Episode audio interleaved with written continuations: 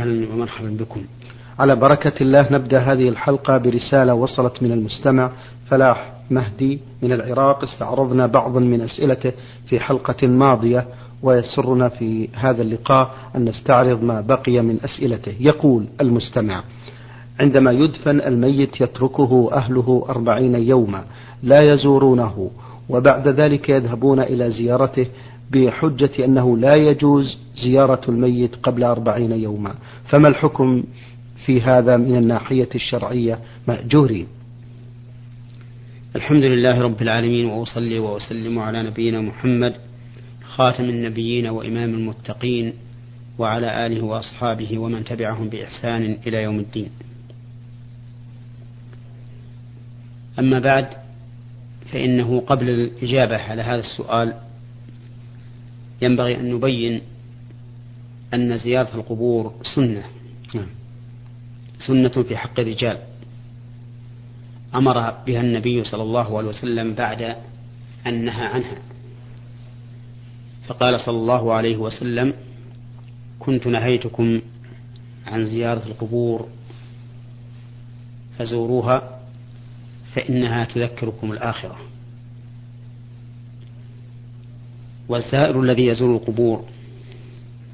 يزورها امتثالا لأمر رسول الله صلى الله عليه وسلم واعتبارا بحال هؤلاء الأموات الذين كانوا بالأمس معه على ظهر الأرض يأكلون كما يأكل ويشربون كما يشرب ويلبسون كما يلبس ويتنعمون في الدنيا كما يتنعم فأصبحوا الآن مرتحنين في قبورهم. بأعمالهم. ليس عندهم صديق ولا حميم وإنما جليسهم عملهم. كما قال النبي عليه الصلاة والسلام إذا مات الإنسان اتبعه ثلاثة ماله وأهله وعمله فيرجع اثنان ويبقى واحد يرجع المال والأهل ويبقى العمل. فيعتبر الزائر بحال هؤلاء.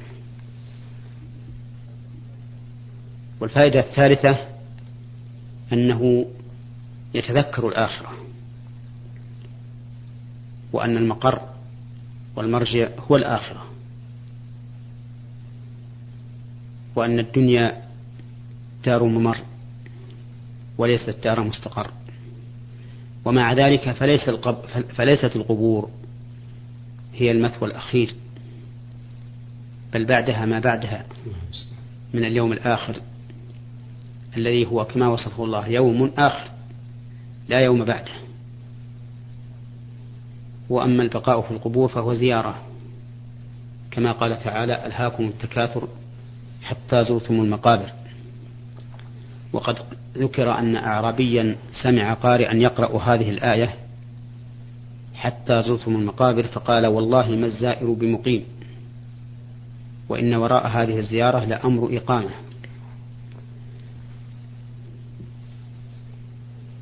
وبهذه المناسبة أود أن أنبه إلى كلمة يقولها بعض الناس من غير روية ولا تدبر لمعناها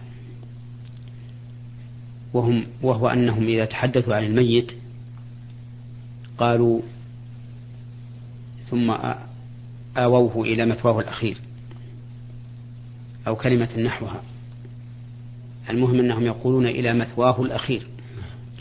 وهذه الكلمة لو أردنا أن ندقق في معناها لكانت تتضمن إنكار البعث لأنه إذا كان القبر هو المثوى الأخير فمعناه أنه لا بعث بعده وهذا أمر خطير لأن الإيمان بالله واليوم الآخر شرط في الإيمان والإسلام.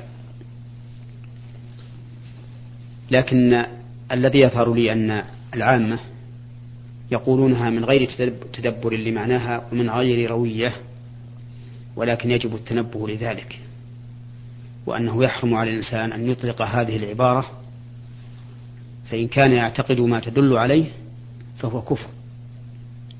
لأن من اعتقد أن القبر هو المثوى الأخير وأنه لا ليس هناك لا ليس بعده شيء فقد أنكر اليوم الآخر. الفائدة الرابعة من زيارة القبور أن الزائر يسلم على أهل القبور ويدعو لهم. فيقول السلام عليكم أهل الديار من المؤمنين والمسلمين وإنا إن شاء الله بكم لاحقون. يرحم الله المستقدمين منا ومنكم والمستأخرين. نسأل الله لنا ولكم العافية.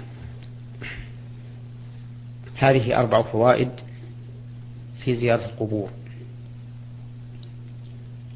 وأما من يزور القبور للدعاء عندها فإن ذلك من البدع. فالمقبرة ليست مكانا يقصد للدعاء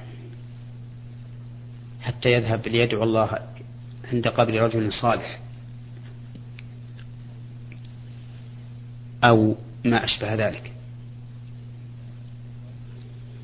وأشد من ذلك من يذهب إلى المقبرة ليدعو أصحاب القبور ويستغيث بهم ويستعين بهم فإن هذا من الشرك الأكبر الذي لا يغفره الله. قال الله عز وجل وقال ربكم ادعوني أستجب لكم. إن الذين يستكبرون عن عبادتي سيدخلون جهنم داخرين.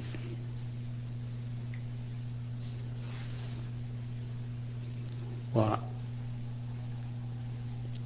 وقال الله عز وجل فلا تدعوا مع الله إلها آخر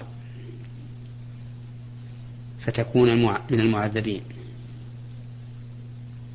والآيات في هذا المعنى كثيرة. فمن دعا غير الله لقضاء حاجته من هؤلاء الأموات فقد أشرك بالله شركا أكبر.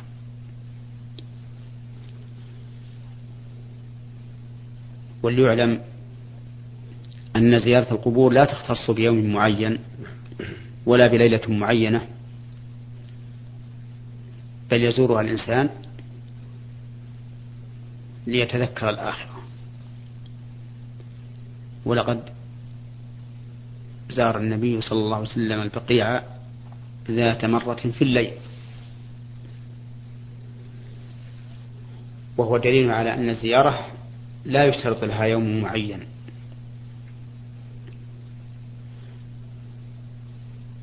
أما فيما يتعلق بسؤال السائل وهو أن أهله لا يزورونه إلا إذا تم له أربعون يوما فهذا لا أصل له.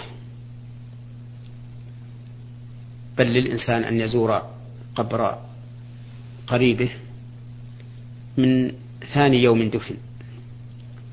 ولكن لا ينبغي للإنسان إذا مات له الميت أن يعلق قلبه به وأن يكثر التردد إلى قبره لأن هذا يجدد له الأحزان وينسيه ذكر الله عز وجل. ويجعل أكبر همه أن يكون عند هذا القبر. وربما يبتلى بالوساوس. والخرافات والأفكار السيئة بسبب هذا. نعم. بارك الله فيكم. آه، عرفنا فضيلة الشيخ أن زيارة القبور خاصة فقط للرجال وهي محرمة على النساء. ونظرا لكثرة الرسائل التي تصل إلى هذا البرنامج من آه، بلدان من البلدان العربية والإسلامية نقول آه، الحكمة في منع النساء من زيارة القبور. نعم.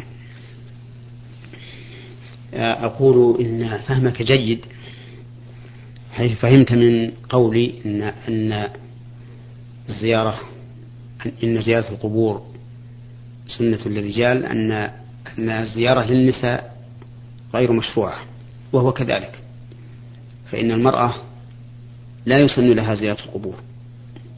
بل القول الراجح من أقوال أهل العلم أن زيارتها للقبور محرمة بل من كبائر الذنوب لأن النبي صلى الله عليه وسلم لعن زائرات القبور واللعن هو الطرد والعباد عن رحمة الله ولا يكون اللعن إلا على إثم كبير ولهذا جعل أهل العلم من علامة الكبيرة أن يرتب أن يرتب أن يرتب عليها اللعن لأنه عقوبة عظيمة والعقوبة العظيمة لا تكون إلا على ذنب عظيم.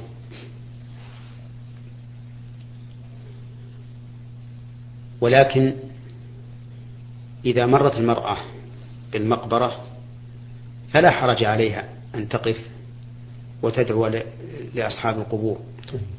وأما أن تخرج من بيتها قاصدة الزيارة فهذا هو المحرم.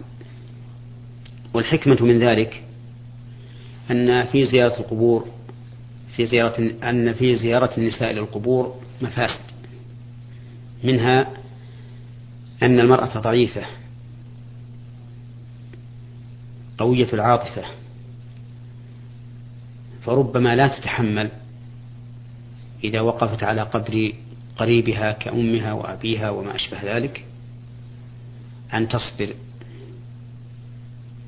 فيحدث ف... ف... وإذا لم تصبر حدث لها من البكاء والعويل والنياحة ما يكون ضررا عليها في دينها وبدنها. ومنها أنها إذا مكنت من الزيارة فخرجت إلى المقبرة. والمقبرة غالبا تكون خالية من الناس الأحياء. فإنها قد يتعرض لها الفساق وأهل الفجور في هذا المكان الخالي فيحصل عليها الشر والفساد.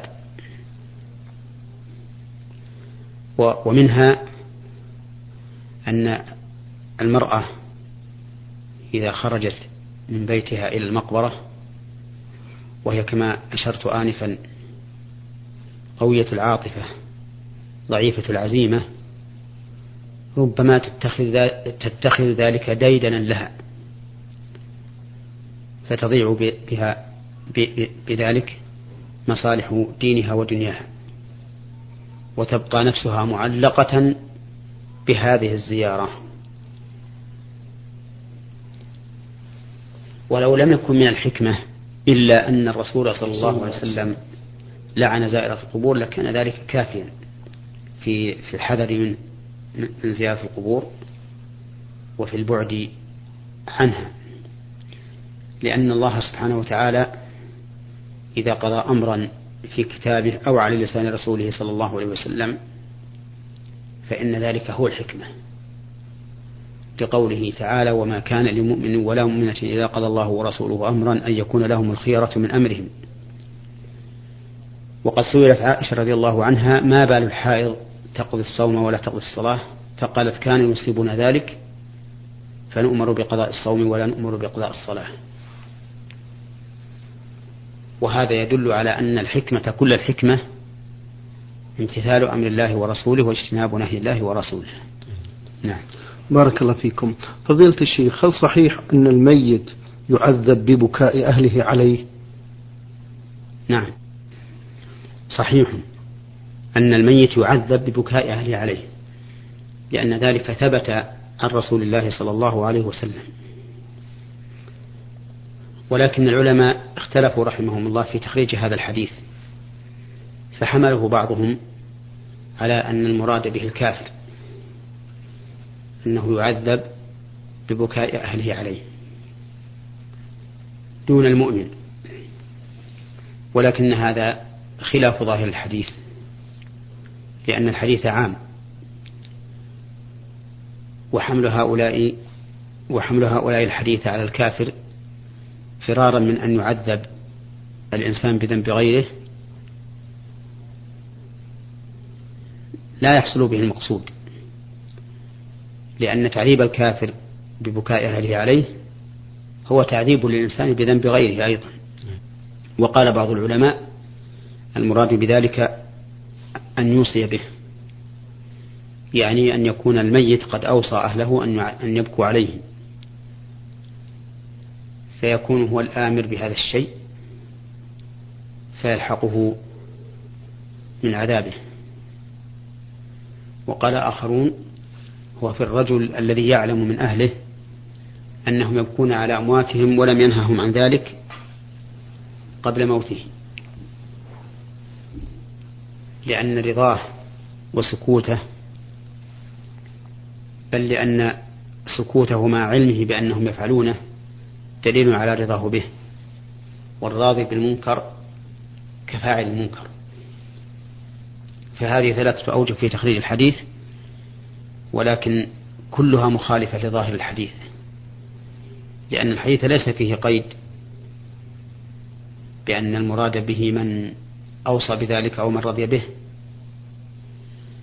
والحديث على ظاهره أن الميت يعذب ببكاء أهله عليه ولكنه ليس عذاب عقوبة لأنه لم يفعل ذنبا حتى يعاقب عليه. لكنه عذاب تألم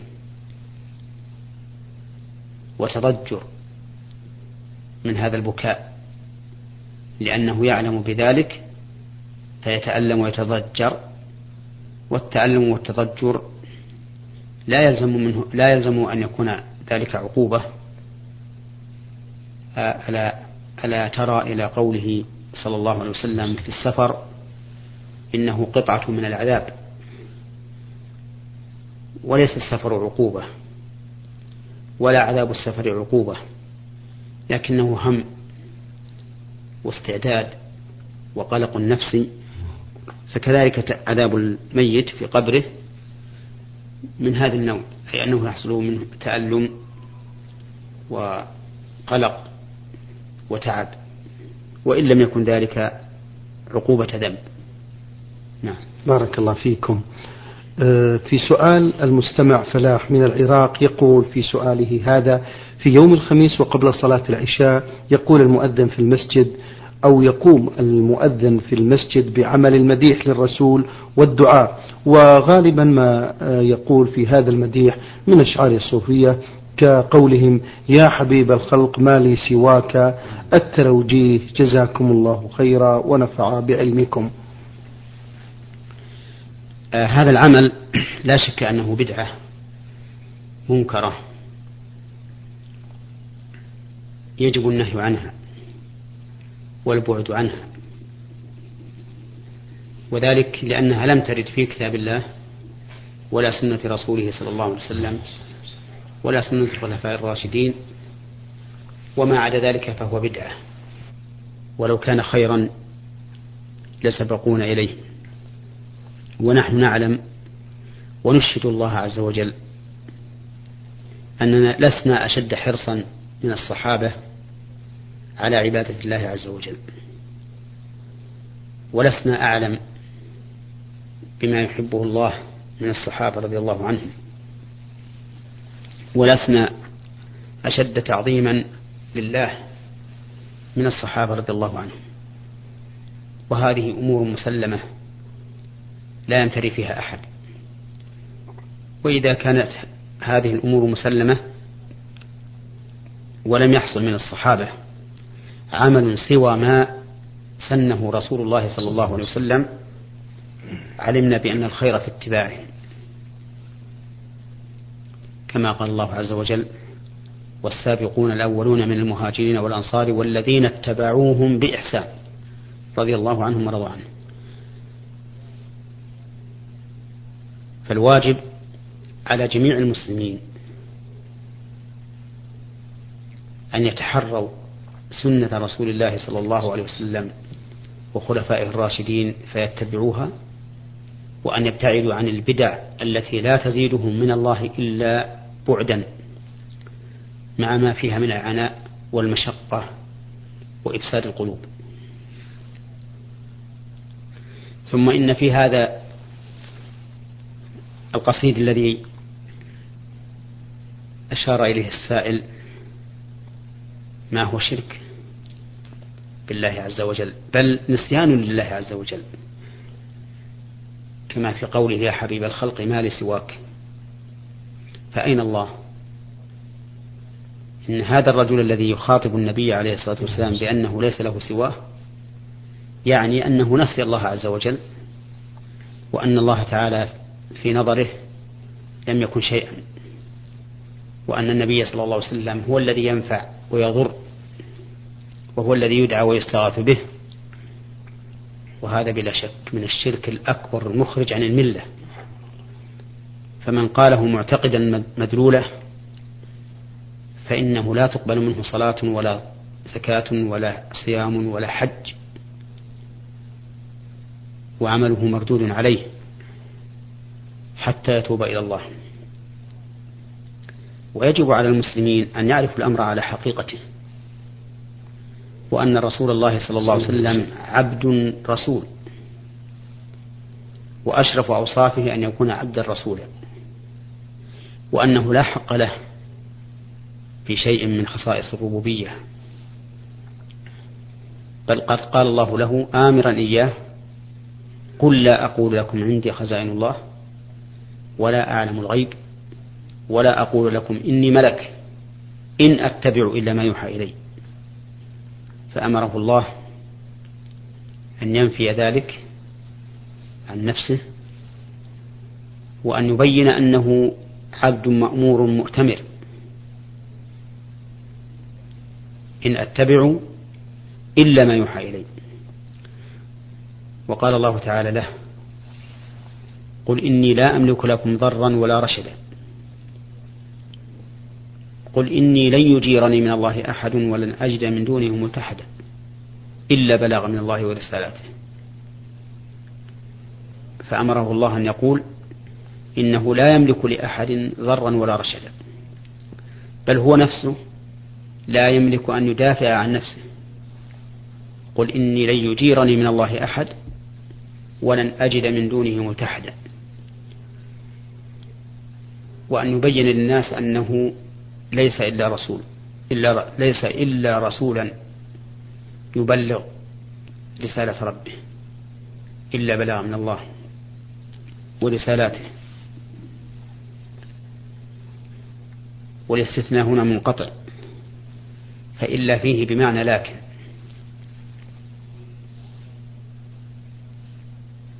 وقال الله عز وجل قل آمرا إياه أيضا قل لا أملك لنفسي نفعا ولا ضرا إلا ما شاء الله ولو كنت أعلم الغيب لاستكثرت من الخير وما مسني السوء إن أنا إلا نذير وبشير لقوم يؤمنون. والآيات في هذا المعنى كثيرة والحوادث الواقعة في عهد النبي صلى الله عليه وسلم التي تدل على أنه لا يملك لنفسه نفعا ولا ضرا ولا يعلم الغيب. كثيرة أيضا. فعلى المؤمن أن يتقي الله عز وجل في نفسه وفي رسوله وحبيبه صلى الله عليه وسلم. وأن يعلم أن هذا الغلو الذي يغلو فيه برسول الله صلى الله عليه وسلم من الأمور التي يكرهها الرسول صلى الله عليه وسلم ولا يقرها بل ينهى عنها عليه الصلاة والسلام. وإذا كان صادقا في محبة الله ورسوله فليتبع الرسول صلى الله عليه وسلم على ما جاء من شرعه دون تجاوز أو تقصير. يقول الله تعالى قل إن كنتم تحبون الله فاتبعوني يحببكم الله ويغفر لكم ذنوبكم. وإن الإنسان ليأسف إذا سمع ما يحدث في كثير من البلاد الإسلامية من الغلو برسول الله صلى الله عليه وسلم. لأن ذلك ينبئ عن أحد أمرين لا مناص منهما. إما قصور في علم من عنده من أهل العلم وإما تقصير من أهل العلم في إبلاغ الحق إلى هؤلاء العوام الذين يقعون في الشرك الأكبر وربما لا يشعرون. فالواجب على أهل العلم الذين حملهم الله إياه وأخذ عليهم الميثاق أن يبينوه للناس ولا يكتموه وأن يدعو الناس إلى الحق وأن لا يداهنوا في, في دين الله وأن لا يراعوا ضمائر الناس الجهال الذين لا يعلمون عن الحق شيئا وأن لا تأخذهم في الله لومة لائم.